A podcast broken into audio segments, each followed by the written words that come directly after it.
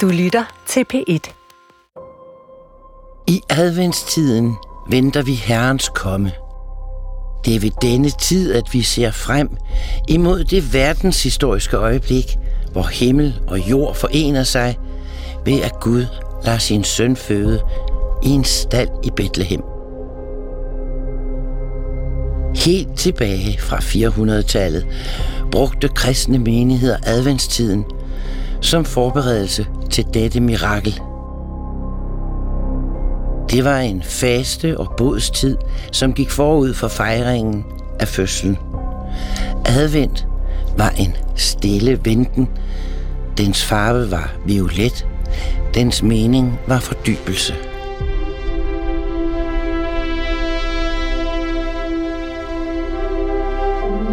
Senere begyndte man at fejre adventen herhjemme. Og under de fem mørke år blev adventen for alvor populær.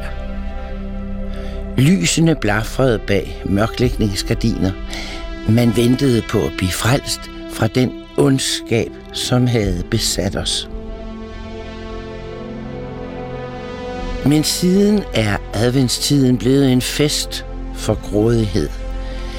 Det er som om, at frelse er blevet forvekslet med forbrug. I stedet for Herrens komme, er adventen blevet en hyldest til vor egen selvudslettelse.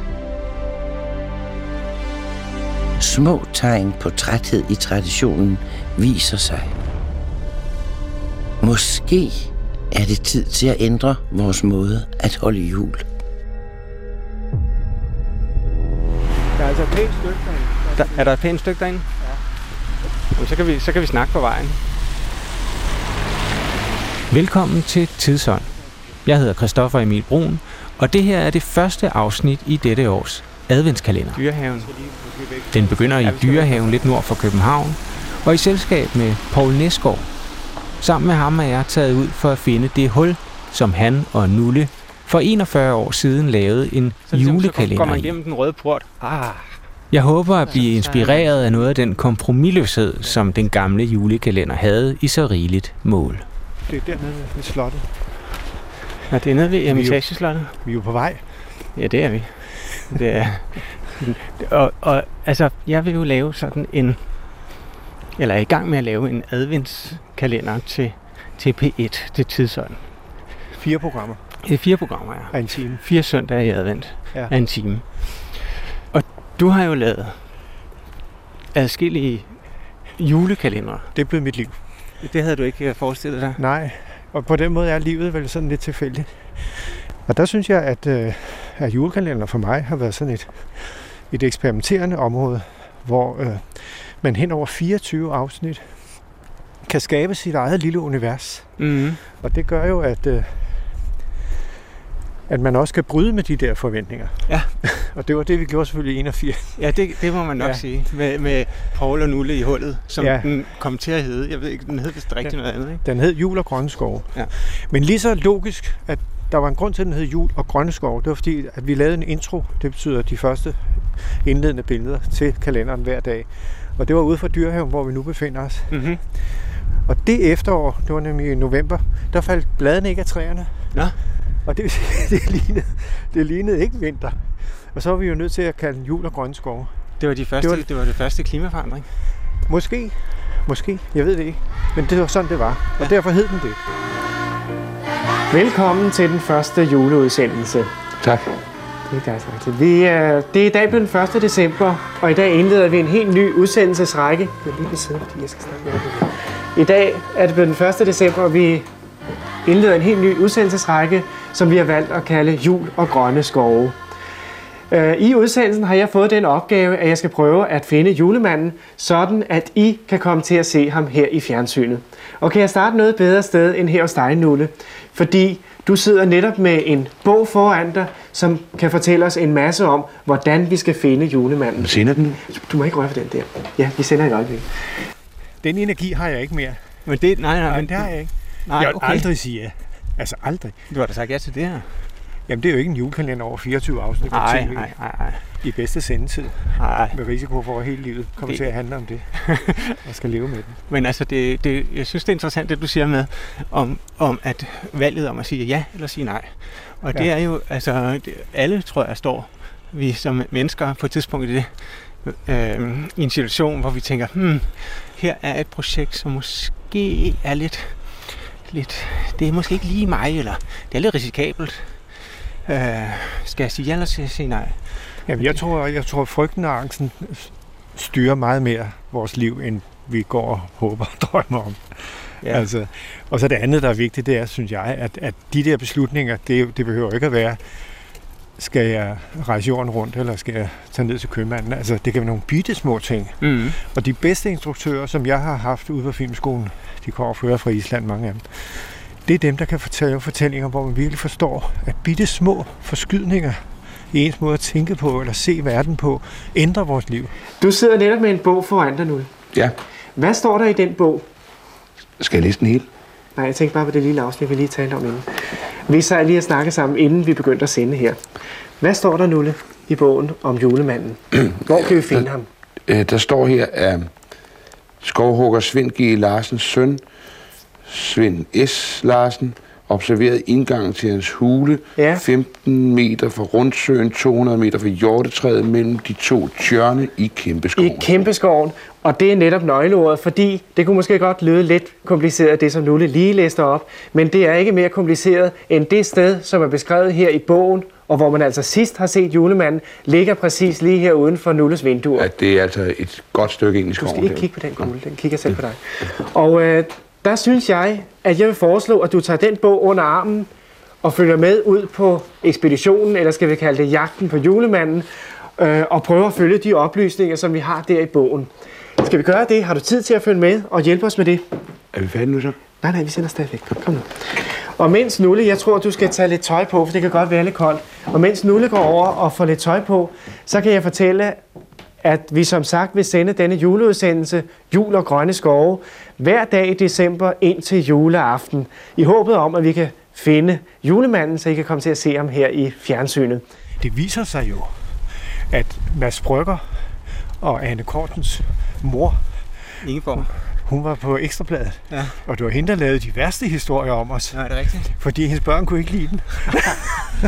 Ja, Så i virkeligheden, når vi taler om, at den var meget, havde en meget dårlig omdømme, så tror jeg, vi skal finde kilden der. Men jeg synes også, at det er, altså, jeg kom til at tænke på den, fordi øh, jeg vil gerne gøre vores jul lidt grønnere. Ja, det er klart. Altså, det, det, det, det er den eneste interessante dagsorden. Ja, det er det ikke, men altså, det er jo den vigtigste af dagsordenen overhovedet. Altså, det er jo slægt. Altså, det er jo de kommende slægter, vi ligesom går og, Jamen, og, og spiller komedie med. Eller, det, det, det, er, det er det allervigtigste.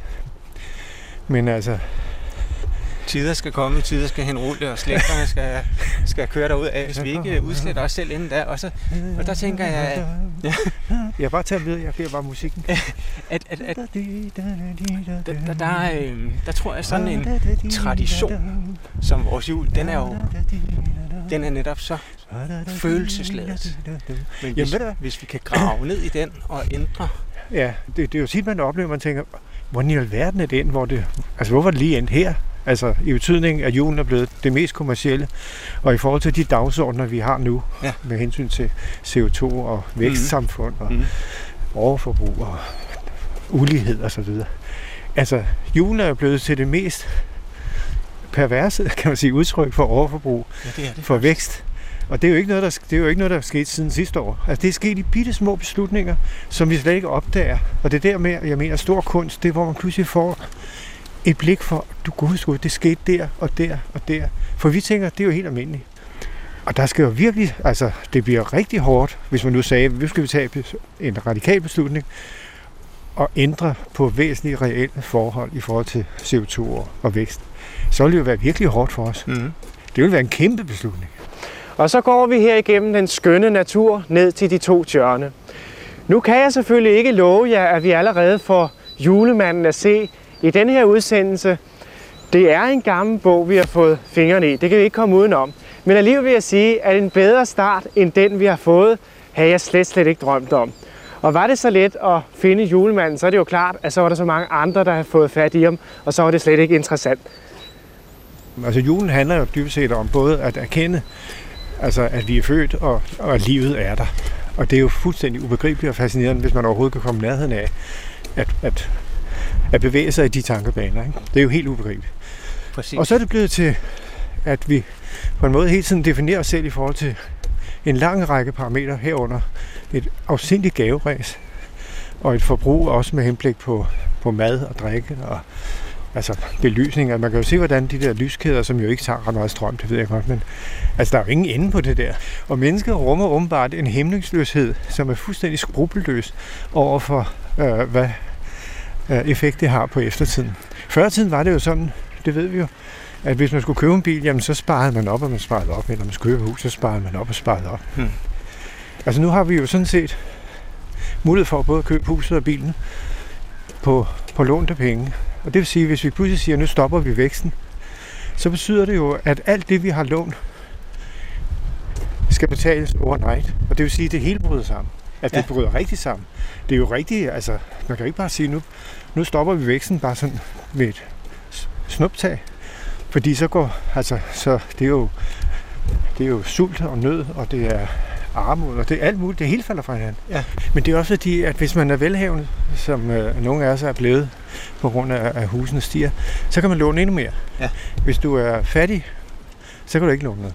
Det vil sige, at du, du har en ulighedsskabende mekanik, og du har en, en vækst øh, galskab, som, som tilsiger, at os, der har, vi skal få mere, skal også give. Der er ingen ende på det der. Og det er jo, det er jo mærkeligt. Det er utroligt. Jeg har ikke sagt de sidste ord, før jeg ser lige her, tre meter foran mig, Nulle, står selveste julemanden. Jeg vil nu gå over til ham og få mit fjernsyn med det samme. Glædelig jul. Det er et stort øjeblik i mit liv. Lige et øjeblik. Og jeg- Lige et øjeblik. Nu sker der noget. Jeg får bogen, og det er et højtidligt øjeblik. Nulle han... Oh, hvad er det? Hvad sker der? En af de falske. Det var der masser af. Nå, det var en svipser. Det var en af de falske julemænd. Og man kan måske også sige, at havde vi været så heldig allerede nu, så var det måske for mig det gode. Vi går videre. Jeg, jeg har jo levet i, i, i en overflod og uskyldighed. Ja. Og det er jo fantastisk. Ja. Altså, med, uden overhovedet at have nogen dårlig samvittighed, har jeg bare hoppet med og, og ligesom sprunget ind af de døre der, som var åbne. Og så pludselig viser det sig, at vores generation måske vil blive den mest forhatte og mest kritiseret i menneskehedens historie. Fordi vi lige præcis er med i det der turning point, hvor det hele ramler altså om ørerne på os. Ikke? Mm. Og så kan man selvfølgelig, ja, altså håbe på, at den genialitet, der også er en del af vores tid, Ja, altså, hvor man får, Forfindsomhed. er helt vild, altså. Ja. Men uligheden kommer det ikke udenom. Sårbarheden kommer det ikke udenom. Og når først den der ulighed eksploderer, som den jo gør rundt omkring, når først sårbarheden i hele det økonomiske system måske bryder sammen, så er det jo, så er det jo en katastrofe, som vi slet ikke kan overskue. Der har vi tjørnene. Der har vi tjørnene. Nu kan jeg se, nu ved jeg, hvor det er. Ah, Jeg okay. Jeg har fundet det.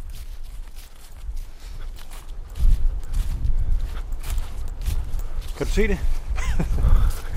Jamen, øh, er, det, er det dernede? Eller? Ja, det er de to små, to små træer der, der kryber hen. De er ikke blevet større. Det er samme størrelse. Ah, okay, det er de der.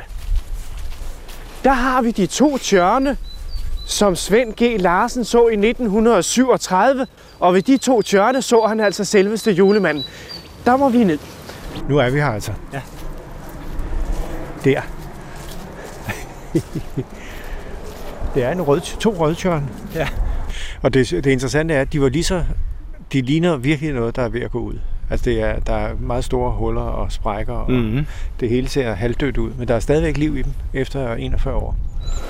Og så står vi altså her under de to tjørne. Og for mig er det som om, at der er en vis mystik her omkring. Er det ikke sådan, at øh, julemanden og mystikken altid sådan er gået hånd i hånd? Jo, troen kan flytte bjerge.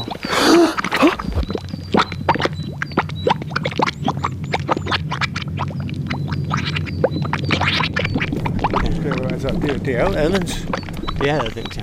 Det er det. Ja, det, der var ikke meget Gud i jeres julekalender dengang. Der kom lidt til sidst i den sidste. Gjorde det det? Ja. Det gjorde der. Med lille Jesus Ja. børn? Ja, det var ikke meget. Men... Nej, men jeg Men- tror, men- nej, men det det, der kom nu. Altså, jeg skulle lige grave. nej, jeg fortæller, hvad julen går ud på. Ja. Det gør jeg faktisk. Okay. Ja. Og det vil sige, så får det jo den, den, den mening der. Ja. Men altså, det er Jesus fødselsdag, vi skal fejre, og øh, vi sidder hernede i jordhulen, som ikke er blevet forvandlet til et slot, men er blevet forvandlet til en smuk julestue, hvor vi har tændt lysene i adventskransen. Juletræet er pyntet, og alt er klar til, at vi skal holde julefest sammen med hulefolkene, som skulle findes hernede under jorden. Og hvis vi bare er helt stille, så skulle de dukke op og være med til festen her men det er klart, det- altså, julen kunne godt være det mest, øh, der det er det mest udtalte eksempel på vækstens øh, galskab i rendyrket form. Så det kunne godt være der, man skulle begynde at, at, at få den bevidsthed. Ikke? For Ja. det er så indlysende tydeligt, når du tager, hvis du tager Bibelens ord, og du tager hele evangeliet, og du tager, øh, hvad hedder det, øh, altså og hele be- beretningen om, om, om øh, Jesu fødsel og alt det, Mm. at det er en helt anden historie. Ja, det må Den har, virkelig, den har virkelig ikke noget med, med noget det at gøre. Den har ikke meget med juletræ og Nej. julemand og Nej. gaver. Og... Jo, gaver. Guld, røgelse og altså, myrrh. ja, men det der med, ja, det kan man måske godt sige. Ja, Så det er der, det starter. Det, det, det er der, det starter. Men Ja. altså, så det, det, det er nok mere udviklingen, øh, som man skal... Jo, men så har, der synes jeg, at at, at, at der har skaberen et problem. på. Ja, Skabt en naturlig behov for guld, røgelse og myrra. Ja. Det ved jeg ikke, men altså, det er jo, det er jo mm. som jeg opfatter øh, evangeliet, eller så- så- det der er i, i mig, er, det, jeg har sådan forstået i mit eget liv, det er, det er erkendelsen af livet og livets begyndelse, og hvor, hvor, hvor fascinerende og fantastisk det er. Mm. Og så er det, at øh, traditioner gør, at vi, øh, at vi er fælles med dem, som vi er tæt knyttet til, men som vi aldrig ser. Mm. Nej, det er som regel ikke. Altså, det, er jo, Mm. det er jo der, traditionerne på en måde holder øh, fællesskabet højde. Og det er jo ikke uvæsentligt. Så det er sådan en, en det er en øh, mekanik, der gør, at vi holder sammen og forstår, at der er andre end os selv. Ikke? Ja, og det er jo vigtigt. For Søren, det er jo helt Den er afgørende. nok. Så det er det. Så er det så blevet til øh, en, for mange vedkommende en, en druk- og, og gavefest, ikke? og hvor hysteriet har ingen grænser. Ja. Jamen, det, det, jeg tror, det er det, vi må ind og... og, Og der er klart, julekalenderen her, der vi faldt ned i jorden, som du siger, det var virkelig minimalisme. Ja, det var det. Der var ikke meget, øh, der blev ruttet med der. altså, der, var Der var både ingen gaver, der var ingenting. altså, den var jo både økologisk, kan man næsten sige, Ja. øh, med jul øh, herude, og øh, den var... Øh, altså, den var sådan, der var noget anti over den. Der var sådan, hey, lad os lige prøve at se, det, om altså noget, noget modstand, noget, noget, noget anarki, ikke? Jo. Men det prøvede vi, altså vi prøvede at dyrke det, det, det eventyrlige også, ikke? Jo. At der, at der ligesom er mere mellem himmel og jord. Jord. Mest jord, ikke? Ja. Og så det der driften mod at komme, altså at stå igennem af tålmodighed. Ikke at, øh, at skabe noget, der, der blinker og larmer og gør opmærksom på sig selv, men have sådan en, en, en anden tone i det. Ikke? Og så skal vi til ulandskalenderen, og i dag er det den 24. Og hvad tror I, der gemmer sig bag låge nummer 24? Der gemmer sig et flot juletræ. Ikke det juletræ, I skal danse rundt om i aften, men et, der ser lidt besynderligt ud. Men I skal jo danse rundt om juletræet i aften. I skal have julegaver. Men husk grunden til, at I skal have alle de gaver, og have al den fest, det er på grund af, at I skal fejre en af de mest udskældte og forfulgte personer i verdenshistorien, nemlig Jesus. Altså, jeg har jo altid, nogle gange tænkt jeg før i tiden, kristendommen sådan, øh, prædiker også en form for, for ydmyghed og, og at være tilfreds med det, du har. Og, sådan. Ja, Ja, og det synes jeg jo på det tidspunkt var. Altså, ja, det synes jeg et eller andet sted, fordi man blev fastholdt. Ja. At det ligesom er en særlig kvalitet at være fuldstændig fattig og på røven. Ja. Det kunne jeg ikke rigtig. Nej. Øh, men altså, i den gode udlægning, Ja. der ligger der jo nogle kvaliteter. Jeg synes jo også, det er, altså, altså, når man er ung, så skal man jo på en måde være nysgerrig på livet. Det skal man jo. Og når man så kommer op i min alder, ikke? Og overgangen, for at gøre overgangen fra livet til døden så blid som muligt, så er man nødt til at lave sådan en lille stille udfældning. Og sådan tænke, gud, jeg kan sidde på en bænk og filosofere. Ikke? Jeg kan sidde og kigge ud over vandet. Jeg kan sidde... Ja. Altså den, de der, hvor man bare falder ind i sig selv. Ikke? Men det skal man da ikke som ung. Altså derfor, jeg kan ikke fordrage øh, ældre mænd, skråstrej kvinder, men mest mænd, der prædiker sådan nogle ting til de unge. Nej. Ja, det er jo helt siden af. Ja, man skal passe på ikke at være moraliserende. Det, det, det, må, jule, det må min adventskalender. Ja. Tidsvands adventskalender. Ikke Ja. blive. Nej. Nej, det, det er det værste, synes jeg. Men det, det, det, det, der tager jeg, der, det, det er også noget at tage med. Nå, nu blæser det. Nu blæser. Ja. Vi blæser i vinden. Blæser ikke helt væk. så? Skal vi stoppe der? Ja, ja, men det var så hyggeligt. Det var en dejlig tur. Jamen, øh, i lige måde. Og glædende har man der lov.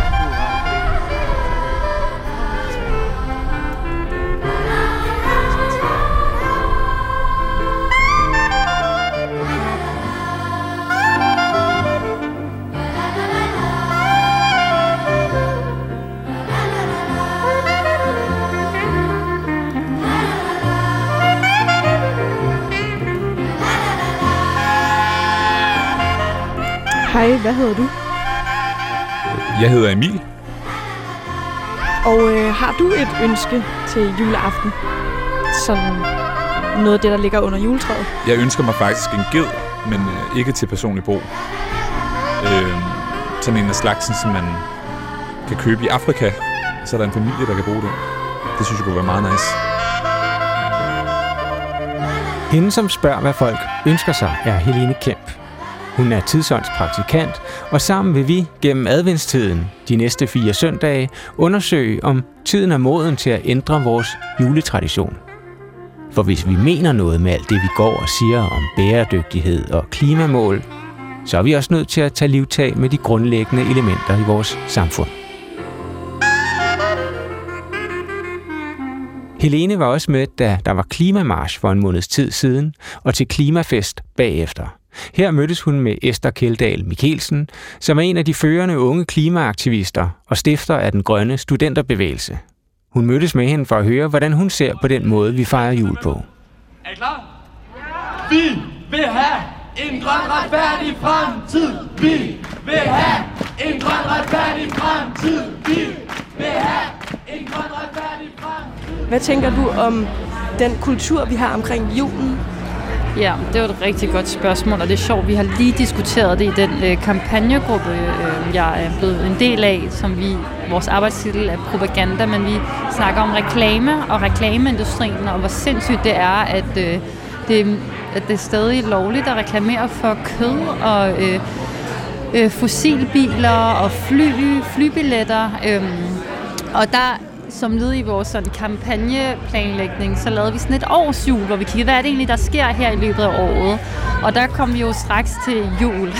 Det var jo ligesom det første, næste store, ligesom kan man sige, det næste store begivenhed, hvor at der jo bare er så meget at kritisere, at julen er blevet det her fuldstændig materialistiske bombardement af en forbrugs Øh, jeg vil ikke engang nærmest kalde det en fest, fordi vi er jo rigtig mange mennesker, der går og er rigtig stresset over alle de julegaver, det bliver forventet, at vi giver, og der er bare sådan, hvert år bliver det bare større og større, og, og det her med at give en gave bliver pludselig også til sådan et eller andet med, at man skylder nogen noget, og gav den person nu en lige så stor gave til mig, som jeg gav til den person sidste år, og der bliver pludselig bare sådan et, en, en, nærmest en konkurrence om, hvem der giver øh, størst og bedst gaver.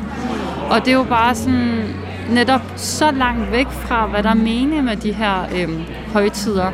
Øhm, og vi ønsker jo et samfund, hvor at vi har meget mere tid til at være sammen, meget mere tid til at være i nogle bæredygtige fællesskaber, og vi har tid til at drage omsorg for hinanden, og også et, arbejde, et samfund, hvor vi arbejder meget mindre, hvor vi har meget mindre øh, produktion i samfundet. Det er jo det, når vi arbejder, holder ligesom økonomien op i et meget højt gear. Det er jo også det, der er med til både at sørge for, at vi tjener mange penge, så vi så bruger på en masse varer, som udleder CO2, men også bare alene det at arbejde og ligesom sætte fod i økonomien er jo også med til at udlede CO2 og forurene alle mulige steder i verden.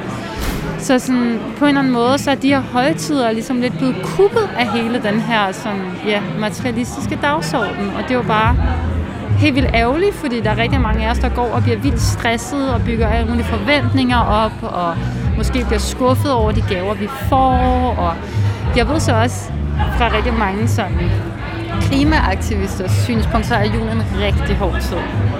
Fordi det kan være rigtig hårdt at blive konfronteret med det her med, at der er nogle familiemedlemmer, som har brugt tid på at finde en gave til en, og har været ude i nogle butikker og købe en masse nye ting til en i den bedste mening. Men det kan være så hårdt at modtage en nyproduceret gave. Øh, et eller andet par øh, så løbesko, der bare er købt nede i Sportsmaster, eller en eller anden sådan dims, en eller anden teknologisk dims, eller et eller andet, der bare er købt uden butik. Fordi sådan, når først man er blevet bevidst om hele det her forbrug, og hvor sådan enormt skadeligt det er på rigtig mange måder, så er det sådan virkelig hårdt at kunne tage imod det, og sådan nyde det, fordi der er bare sådan en, en mørk, eller ikke mørk, men der er bare sådan en, en dyster sådan bagside, kan man sige, af den her gave. Men samtidig så ved man også, at dem omkring en har gjort det i den bedste mening. Så man vil gerne sådan passe på sine venner, man vil gerne passe på sin familie, men samtidig så er det også sådan, går det også lidt over ens egen grænse på en eller anden måde, og sådan tage imod noget, der bare er sådan et eller andet, nogen har købt noget i en butik. øhm, men hvordan tænker du selv, at vi går til det her problem? Fordi for mange mennesker er det nok et, et enormt konflikterende problem, fordi folk føler en, en nostalgi og en sentimentalitet omkring de traditioner, der har bygget op øh, over julen. Så hvordan, øh, hvordan ændrer man den måde, folk tænker om traditioner, som de er vokset op med? Ja, og det er jo et rigtig godt spørgsmål, især når det gælder julen, fordi julen er jo også en, en højtid, rigtig mange har sindssygt positive følelser omkring, og der er alle de her julesange, som vi kender så godt, og der er jo netop de her julesamling nede på skolen, og så spiser vi, drikker vi gløk og spiser æbleskiver og får set hinanden i øjnene og tager tid til familien. Og alle de dele er jo egentlig nogle, nogle rigtig fine traditioner, men det der med, når man så, fordi at det hele det her gaveræs og forbrugsræs er blevet så så stor et, en del af julen, så hvis man kritiserer gaveræset, så kan nogen også opleve, at man lidt kritiserer dem, og sådan kritiserer et eller andet, som også er rigtig fint. Så det er, det er et meget, meget krumset emne, og det er rigtig, rigtig svært at tale om, synes jeg faktisk. Øhm, men så har vi jo også bare nogle sindssygt vilde industrier, som jo også trækker os hen i forbrugsretning. Så det er jo også det der med, at det skal jo ikke blive et, et individuelt ansvar at sådan gøre op med julen, fordi der er jo også nogen, der tjener sindssygt mange penge i, på julen og planlægger mange, mange måneder ude i, fremtid, i fortiden. Nej, mange måneder frem ud, det ved jeg godt, man siger. Nogen, der planlægger i meget god tid, hvordan skal vi få lavet de her reklamer, hvordan skal vi få sørget for, at den her kaffekande bliver den helt store julegave i det og det er jo folk, der sidder og arbejder fuldtid på det her. Og så bliver der hængt reklamer op øh, for de her produkter, og så kommer der ligesom et ræs omkring det. Og faktisk snakkede med mine medaktivister her for nogle par dage siden omkring det her Fætter BR gavehæfte, som vi alle sammen har minder om fra da vi var børn. Øhm, at, øh, at det der med, at man fik sådan en bog eller et hæfte fra Fætter BR med alle de julegaver, man kunne ønske sig, så skulle man ligesom sætte kryds ud for, og, og give dem til sine bedste forældre, og så kunne de ligesom købe det, de synes, at, at man skulle have. Og sådan, det er jo sindssygt altså udspekuleret fedt at BR og lige få snedet sådan et gavehæfte ind. Og, øh, og vi havde alle sammen sådan nogle meget, meget sådan gode minder omkring det der gavehæfte. Hvilket også er lidt uhyggeligt på en eller anden måde, fordi det hele er blandet sammen med, at der også var tid til familien, og ens forældre rent faktisk så en, når man havde den her familiemiddag, og måske bedsteforældrene kom, og sådan, det, det hele er blandet sammen i et stort sådan, samsurium, og det er det, der gør det mega svært. Men vi er nødt til at tage de svære samtaler om det, fordi det kan bare ikke blive ved på den her måde. Det, der jo er lidt sjovt, det er, øh, på min redaktion har vi talt lidt om advent og om julen, og så har vi talt lidt om, hvordan advent måske øh, kan ses som sådan en pangdang til klimaet, og hvordan det hænger sammen med det, fordi advent øh, jo refererer til frelserens komme, som man taler om, fordi Jesus bliver født, og vi venter, så vi er på en eller anden måde i venteposition til frelsen. Og på den måde kan man jo også sige, at, at vi i klimaet skal frelses. Vi skal både måske frelses fra nogle systemer, men vi skal også frelses øh, for os selv. Så kunne der være en eller anden form for øh, sammenhæng her mellem de to, som mm, mennesker kunne forstå, og som kunne hjælpe dem til at øh, skabe en grønnere jul?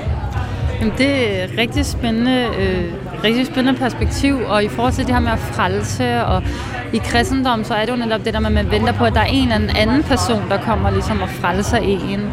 Og øh, det kan jeg også fornemme, at i mange af de folk, der ikke er aktive i, i, i sådan klimabevægelsen nu, har også en eller anden idé om, at, at enten må de unge klimaaktivister være dem, der frelser alle os andre, eller teknologien og det, der frelser. Der er også sådan lidt sådan en passivitet, hvor det sådan nogle andre må komme og ordne det her, eller forskerne må ligesom frelse os. Øh, problemet er med klimakrisen, så er vi jo alle sammen bare fedtet dybt, dybt, dybt ind i det. Øh, både i adventstid og juletid, men også hele resten af året. Øhm, og vi er dybt ind i øh, at indrette vores liv på nogle måder. Vi har lært, at den, den rette måde at indrette vores liv, og den succesfulde måde at indrette vores liv, og det er jo et, et liv med stor materiel rigdom, hvor vi ejer mange ting, og hvor vi har et stort hus, som måske endda en stor bil, og noget sejt tøj, og alle de her øh, ja, budskaber, vi blandt andet får fra reklamerne. Øh, og øh, og det, det, det er godt nok et stort det, det er et stort emne at skulle gøre op med. Det er nogle rigtig stærke sociale normer at skulle gøre op med. Øh, men vi er nødt til at gøre op med de normer, hvis vi skal, nu kalder du frelse, øh, men hvis vi skal frelse os selv, eller hvis vi skal frelse verden, hvis man kan bruge det udtryk om klimakrisen. Og nu øh, er julen jo faktisk også øh, noget, der er opstået på baggrund af øh, den kristne religion. Hvordan har du det med Gud? Jamen, jeg er ikke selv religiøs, og det har jeg faktisk aldrig nogensinde været. Øhm, jeg har aldrig kunne forholde mig til øh, ideen om, at der var en Gud. Øhm, det er simpelthen utrolig fjern for mig. Så det er egentlig bare sådan, jeg har det med det. Det siger jo også noget om, hvad kan man sige, dit, din drivkraft til at handle Ja, måske i virkeligheden, og jeg har også læst nogle analyser om, at ifølge nogle fortolkninger af kristendommen, så er de værdier, hvor at Gud er en abstrakt øh, kan man sige, persona, eller et abstrakt væsen, som ikke er en del af vores materielle verden. Det også er med til at skabe en form for passivitet over for de problemer, der foregår i verden, og sådan den ødelæggelse, der er af planeten og de insekter og økosystemer og vilde dyr og mennesker, der bor har alle de livsbetingelser. Øhm, fordi hvis du kun ligesom dyrker eller sætter værdi i en Gud, der er uden for verden, som er sådan i det transcendente øh, kan man sige, område, som er sådan der, hvor det overskrider den materielle verden, så er det jo heller ikke lige så vigtigt at kæmpe for at beskytte planeten, hvis man ligesom på en eller anden måde er myndet på paradis efter døden. Øhm, så det er der nogle kritikker af kristendom, eller måske i virkeligheden generelt de monoteistiske religioner, som, som går på, og sådan også den her dominant tankegang, at mennesket skal herske over fuglene og fiskene og så videre. Øhm, men der er jo også andre øhm, fortolkninger af kristendommen, som ser det i meget højere grad som, at mennesker sat i verden for at beskytte og værne om alle de her fugle og fisk og økosystemer og øh, alle de livsformer, der, som vi ligesom deler planeten sammen med. Så jeg er ikke ateist, og det er ikke fordi, jeg hader kristendom overhovedet, men jeg kan ikke selv forholde mig til det. Men jeg synes generelt, nu har jeg været til nogle paneldebatter arrangeret noget, der hedder Grøn Kirke. Der er nogle øh, bevægelser i øh, kirken, som handler rigtig meget om, at kirken er i forvejen et meget etableret fællesskab, og det fællesskab skal også kæmpe for klimaet på deres måde, og, og finde deres rolle at spille i det, og det synes jeg er rigtig interessant. Mm. Så umiddelbart resonerer det ikke så meget med dig at tænke klimaet som skaberværket, og Gud som, øh, hvad kan man sige, noget, der er større end os, og som, hvad kan man sige, naturen som det ustyrlige. Absolut ikke, nej. Altså, øh, det, det er slet ikke den tilgang, jeg har til det. Jeg ser det mere som et stort mysterie, at vi er her. Jeg synes, det er meget mystisk. Jeg synes, det er meget mystisk at være til stede på en planet, som øh, flyver rundt om en eller anden sol ude i et eller andet uendeligt univers. Og, sådan, og, og det, at vi har en masse mennesker og dyr, som har en bevidsthed og føler ting, og det, at vi kan have den her samtale lige nu, i år 2021 på den her planet.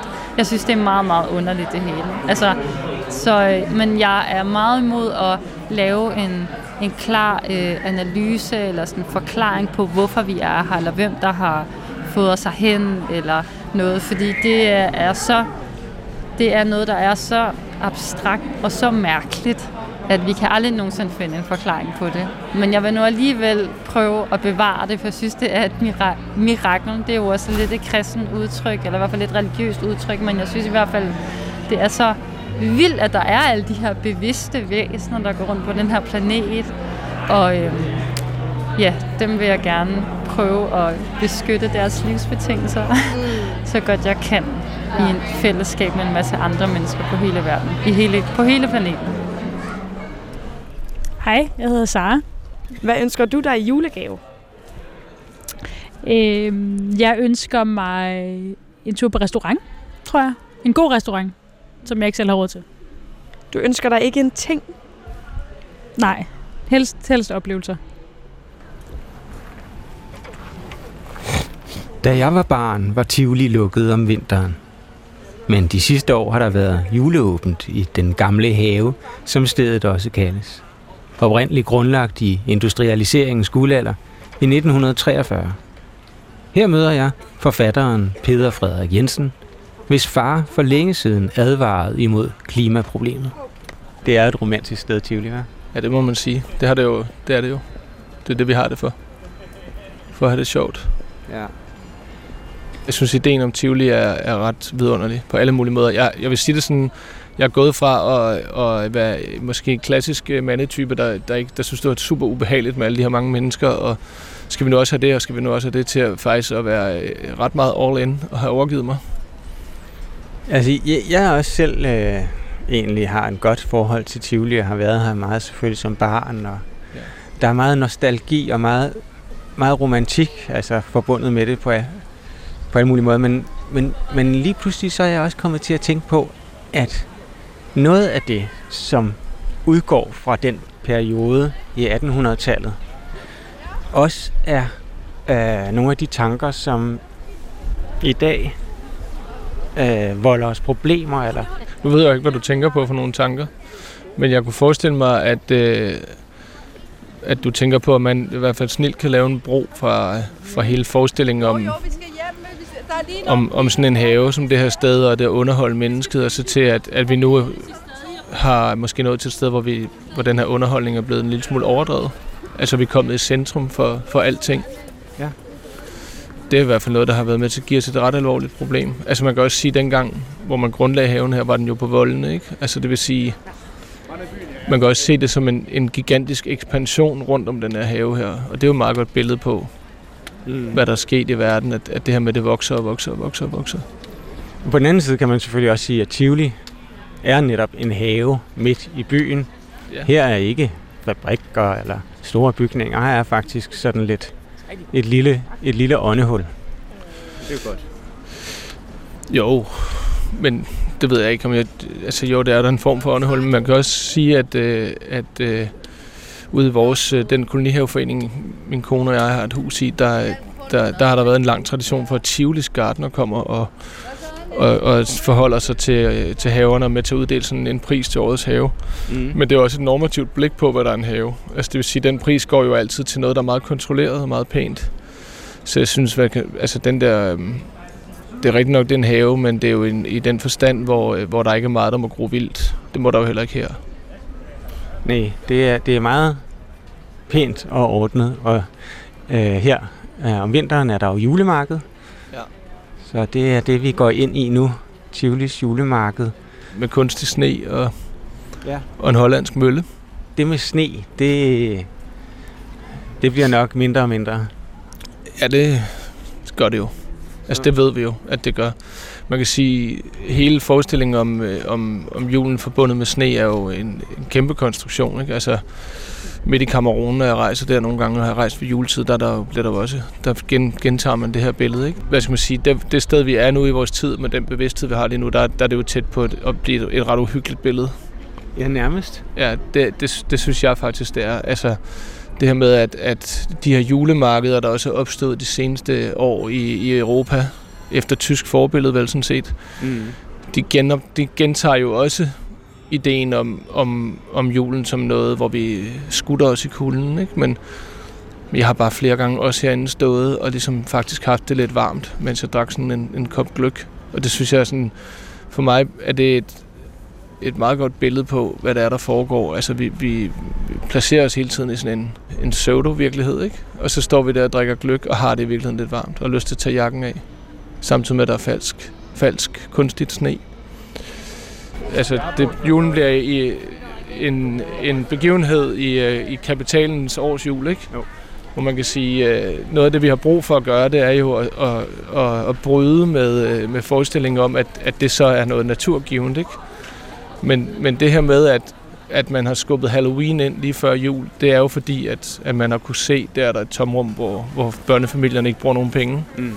Og så har man jo etableret en, en højtid der, fuld af plastik og skrammel. Og, og så er det også det der øh, oveni Black Friday. Ja. Jeg tror nok, det er blevet til Black Week nu, men det, det er jo den her uge faktisk. Altså første, første adventsuge. Jamen det er jo, altså det er jo årsjulet er jo blevet til, øh, til, til virksomhedernes årsjul, ikke? og så, så, så er vi jo bare sådan nogle lemminger, der følger efter.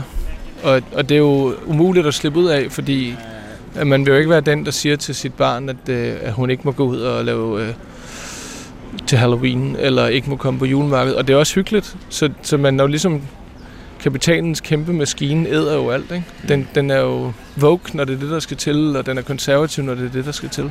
Den er romantisk, når, den er det, romantisk, når det er det, der skal til. Og det er jo dybest set, så, så tænker jeg, at, at også i forhold til, hvad man kan gøre ved det, så er det jo måske, det måske også det, man er nødt til at udnytte og sige, jamen, hvordan kan vi kapitalisere på ikke at gøre noget? Altså gøre det halve, kan man sige. Ikke? Mm. Og der kan man sige, vende tilbage til, til, til historierne, og vende, vende tilbage til årsagen til, at vi gør alt det her. Ikke? Hvad, er det, hvad er det budskabet er, ikke?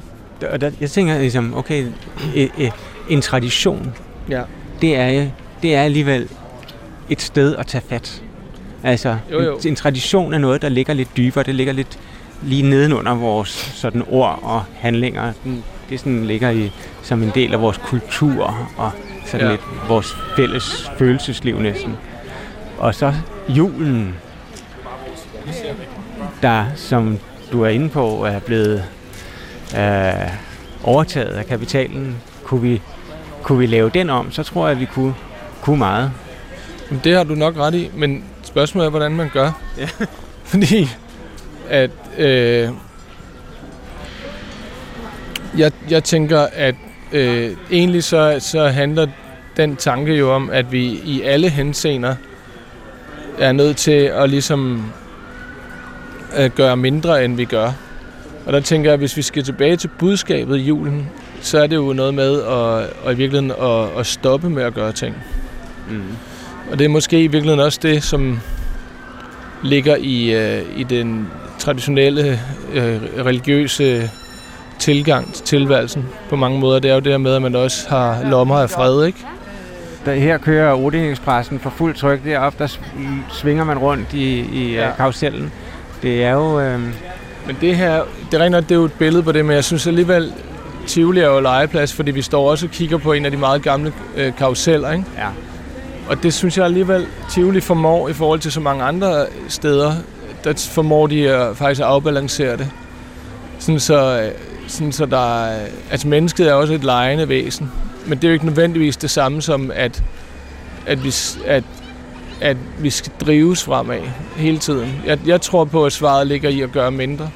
Mm. Og det er faktisk, det tænker jeg også i forhold til jul, at, at øh, der er jo også noget i at fejre noget, og der er også noget i at sige det om vinteren, når det er koldt og mørkt, og vi har brug for at spise noget mad og, og synge og sådan noget, men, men jeg tænker, at en kunst er simpelthen at sige øh, lidt ligesom skriveren Bartleby fra Melvilles lille bog af samme navn, der siger, I would prefer not to. Jeg vil foretrække at lade være.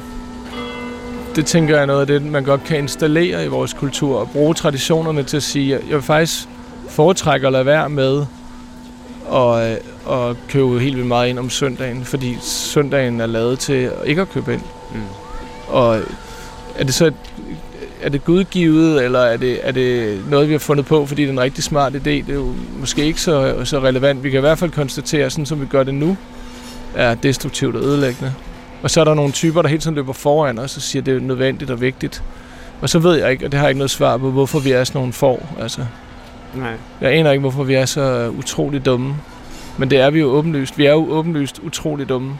Fordi vi går vores egen selvudslettelse i møde med vi, åbne arme. Jamen fordi vi i vores generation, altså fra 1990 til nu, på 22 år, er halvdelen af den CO2, der er blevet udledt til atmosfæren siden 1711, mener jeg, der er udledt. Altså i vores voksenliv.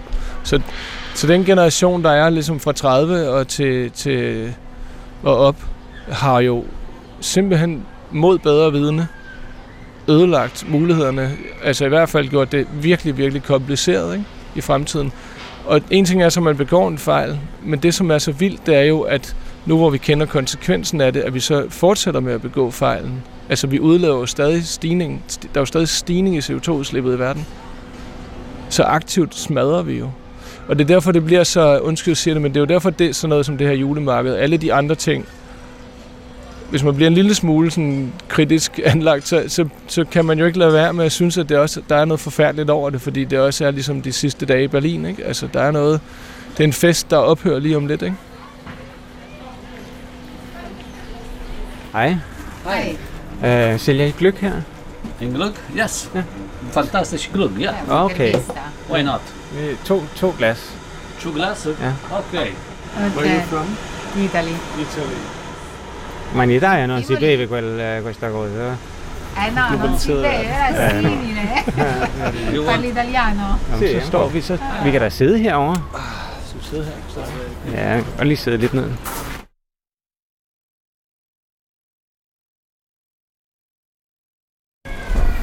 Men øh, Peter Frederik Jensen, du er forfatter, Ja. siger det igen. Øhm, og så er du øh, søn af en stor teolog, Ja. Ole Jensen. Faktisk sådan af to teologer. Ja. Ole Jensen og Elisabeth Didriksen, som min mor hed, som var præst i Vandløse. Og Ja. forskellige andet. Men ja. Ja. Men det er rigtigt. Min far er Ole Jensen, teolog. Som er teolog øh, fra Aarhus, øh, elev af Løstrup. Ja. Øhm, har været øh, forstander på højskolen, men har også skrevet en, en ræ- række bøger. Herunder en øh, bog, som næsten i dag synes at være profetisk. Mhm. Øh, er den ikke fra slutningen af 70'erne? Jo, jeg mener, at den er fra 79. Ja. I Vækstens Vold hedder den. Ja. Og grundtanken er, at øh, når vi er i vækstens vold, som ja. det hedder, så, så vil det gå galt på en eller anden måde. Det kan ikke fortsætte. Ja, jeg tror, han har, han har, han har ligesom bare set, at altså, han siger altid, at man kan ikke vokse uendeligt på endelig plads. Så jeg tror, det er sådan den, hvad skal man sige, det er jo i virkeligheden, er det jo egentlig meget bundesnut, ikke? Altså det, jeg tror næsten, det kommer mere fra vores, fra vores bundefortid i familien, end, end det kommer fra så meget andet. Den her bog er så blevet læst og Ja. forstået. Ja. Øhm, Det er den. og, og, og nu står du tilbage, ligesom mange andre, med en enorm frustration over, Ja. hvorfor, dybest set, hvorfor har I ikke lyttet til min far? Ja, hvorfor har ikke lyttet til min far, og med ham jo mange, mange, mange andre? Altså, han var jo en del af en grøn bevægelse, og hvad skal man sige, øh, som jo blev meget toneangivende, fordi det var jo også politikere og digtere, og altså, du kan jo vælge, du kan også snakke om Inger Christensen og Vagn Lundby som forfatter, eller du kan tale om Lone Dybkjær, Margrethe Augen og Svend Augen. Du kan tale om, der har jo været masser af, altså hvad skal man sige, hele den tradition, eller det spor, som min far er en del af, de har jo sådan set haft masser af indflydelse, men den indflydelse er bare alligevel øh, blevet kørt over, ikke? Og man kan sige, der er jo, i sproget øh, er der jo, har der jo altid været en afvisning. Man har kaldt dem for mørke mænd, eller mørke kvinder, eller der har ligesom altid været en, en, øh, en afvisning af, mennesker, der sagde, at vi faktisk skulle indtænke naturen. Vi skulle øh, se naturen som noget andet end bare en naturressource ikke? for os. Og jeg vil tro, at min far er jo grundlæggende af den opfattelse, at så længe mennesker stiller sig selv i centrum for alting, jamen, så kommer det ikke til at lykkes. Og det er der, der er, den har et religiøst øh, Det er det twist. jo nok, ja, ikke? Det kan man sige bestemt. Altså, han er jo, han er jo rundet af kristendom. Han er optaget af kosmos. Han er optaget af, af, af tro og, og filosofi, ikke? Øh, og generationsdelen i det er jo, at øh, jeg har i hvert fald i stigende grad øh, oplevet i mit eget liv, at meget af det, som jeg har været optaget af fra modernismen, øh, der er der jo også et, et der, der, der stiller øh, det vestlige menneske jo sig selv i centrum helt vildt, ikke? og på bekostning af stort set alt andet levende. Og det er det, der er så vildt lige nu. Måske også det er det, der, der gør det så pervers med det her julebudskab, på den måde, det bliver præsenteret øh, som næstekærligt. Det er jo, at, at vi er jo alt andet end næstekærlige lige nu. Altså, vi er jo det modsatte. Og det er jo ikke bare noget med fremtiden, det er jo aktivt de mennesker, der er ude for vores horisont. Altså, folk, der bor uheldigt uden for Europa, for eksempel. Folk, der bor i, i Sahel, altså øh, de områder, der leder op til, til Sahara, som nu bliver til ørken. Øh, det er jo ikke langt væk længere. Så du mener, vores adfærd øh, og dets betydning for øh, klimaforandringerne er en, en unæstekærlig Ja. Øh. Det, det, der er ikke særlig meget næste kærlighed i det. det der, vi lever i en, en kultur, der er objektivt kynisk. Ikke? Altså, hvis vi, vi kan tale om det i tre led. Ikke? Det starter med... Altså, vi mister jo spiritualiteten i den vestlige verden, og så kommer der, vi ind i en kolonialisering, hvor vi bliver af ren ressource ikke? og udnyttelse af vold. Og anden fase er jo så holocaust, ikke? hvor vi, som jeg ser det, forsøger at gøre op med øh, også en eller anden form for dyb spiritualitet i virkeligheden. Ikke? Altså jødedommen er jo hadet, fordi at den, den har noget dybde i sig, noget, noget tid, som man ikke kan holde ud. Og der er noget jalousi, og der er utrolig meget vold. Og der er altså den sidste fase i den der øh, træenighed, hvide mands træenighed, det er jo at, det er jo det kæmpe naturdrab, vi laver lige nu, som jo er meget mere voldsomt end klimaforandringerne. Fordi en ting er, at vi redder os selv, og får en anden ingeniørvirkelighed, hvor vi kan leve i, i en, med nye klimaforhold. Men, men øh, når vi redder os selv, så dræber vi alt andet. Og det er jo virkelig den hvide mands øh, byrde. Altså vi, for at vi kan sidde her med vores rigdom, så har vi smadret alt andet i den her verden. Alle andre kulturer er ødelagt. Der findes ingen oprindelighed. Og, og så kan de godt stikke deres, hvad hedder det, øh, falske sne øh, op i det sted, ikke? Jeg skulle lige til at sige det. Men gløggen smager da meget godt. Gløggen smager udmærket, ja. Den globaliserede italiensk udskænkede gløk. Ja. Men det er jo ikke, det er også fordi, problemet med det her er jo, at jeg lever jo et almindeligt liv også, og, og, og, øh, og, og deltager jo i, øh, i forbrydelsen. Og det er jo det, der gør det så sindssygt for os, det er, at vi kan jo ikke slippe fri af det. Vi er alle sammen medskyldige, Ja. eller som det hedder i Bibelen, vi er alle sønder for Gud. Ja, vi er alle sønder for Gud, og vi er alle sammen en del af det her, der foregår, ikke? Og, og i det der ligger der jo den grundlæggende, det synes jeg, du skal tage med, den grundlæggende øh, øh, positive mulighed, at vi også kan forandre det, ikke? Altså, og det, og det gør der. Men, men jeg synes, at så længe vi ikke tør snakke om, at vi etablerer alle mulige former for stupide ting hele tiden, uden at tænke over det, så kommer vi heller ikke til at løse noget. Vi er nødt til at være radikale og sige, øh, vi kan godt, hvis vi bruger lige så mange penge og kræfter, som vi har gjort på, på covid, på at, at, at løse nogle af de her klimarelaterede ting, så vil vi gøre det på meget kort tid. Så problemet er masserne. Problemet er, at langt de fleste mennesker er ignorante og ikke, og ikke ønsker eller orker at forandre deres liv.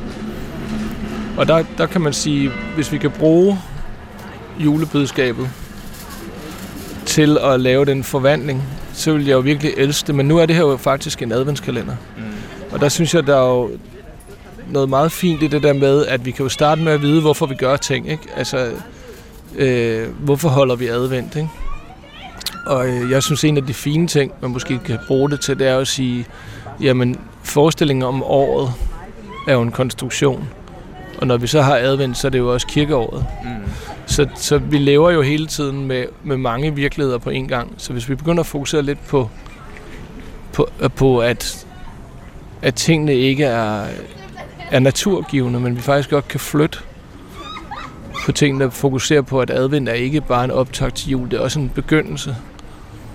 Så kunne det være, at de her udsendelser kunne være med til at sige, jamen, så lad os se, om det ikke kunne blive en begyndelse på, på noget af alt det sjove, der kommer i fremtiden. For der kommer til at være utrolig meget sjov. Prøv at tænke på, hvor skægt det egentlig også er, at vi skal holde op med at slå 70 millioner grise ihjel om året i Danmark. Det er jo sådan set også noget meget dejligt i. Mm. Og alt muligt andet. Vi skal begynde at måske nærme os hinanden. Øh, og jeg tror virkelig meget, at de unge Vogue har en kæmpe pointe i at sige, at vi skal begynde at forstå følsomheden på en helt ny måde. Ikke? Og man kan sige, at følsomheden i troen og følsomheden i, i, øh, i budskabet om Jesus for eksempel, er jo også fuldstændig løbet over af kommercialisering. Så måske det er et godt sted at starte det med at sige, at den følsomhed, der skal installeres i verden, for at vi kan forandre noget, den hænger jo, som jeg ser det, også sammen med næstekærlighed og spiritualitet og tro. Og den kan måske gå gennem Jesus. Ja, det tror jeg bestemt godt, den kan. Altså, Jesus er jo et virkelig stærkt symbol. Så hvorfor ikke? Hvordan har din far det? Jamen, han er jo en, en ældre mand efterhånden. Ja. Du må hilse ham. Det skal jeg nok. Det var forfatteren Peter Frederik Jensen, som tidsånd havde sat stævne i Tivoli i det første afsnit af programmets adventskalender. Den er tilrettelagt af Helene Kemp og mig selv, Christoffer Emil Brun. Vi håber, I synes om den, og I vil lytte med næste uge. Hej. Hvad hedder du? Jeg hedder Karl. Hvad ønsker du dig i julegave? Jeg tror, jeg ønsker mig i julegave, at vi ikke køber julegaver til hinanden i år. Fordi det er altid lidt stressende.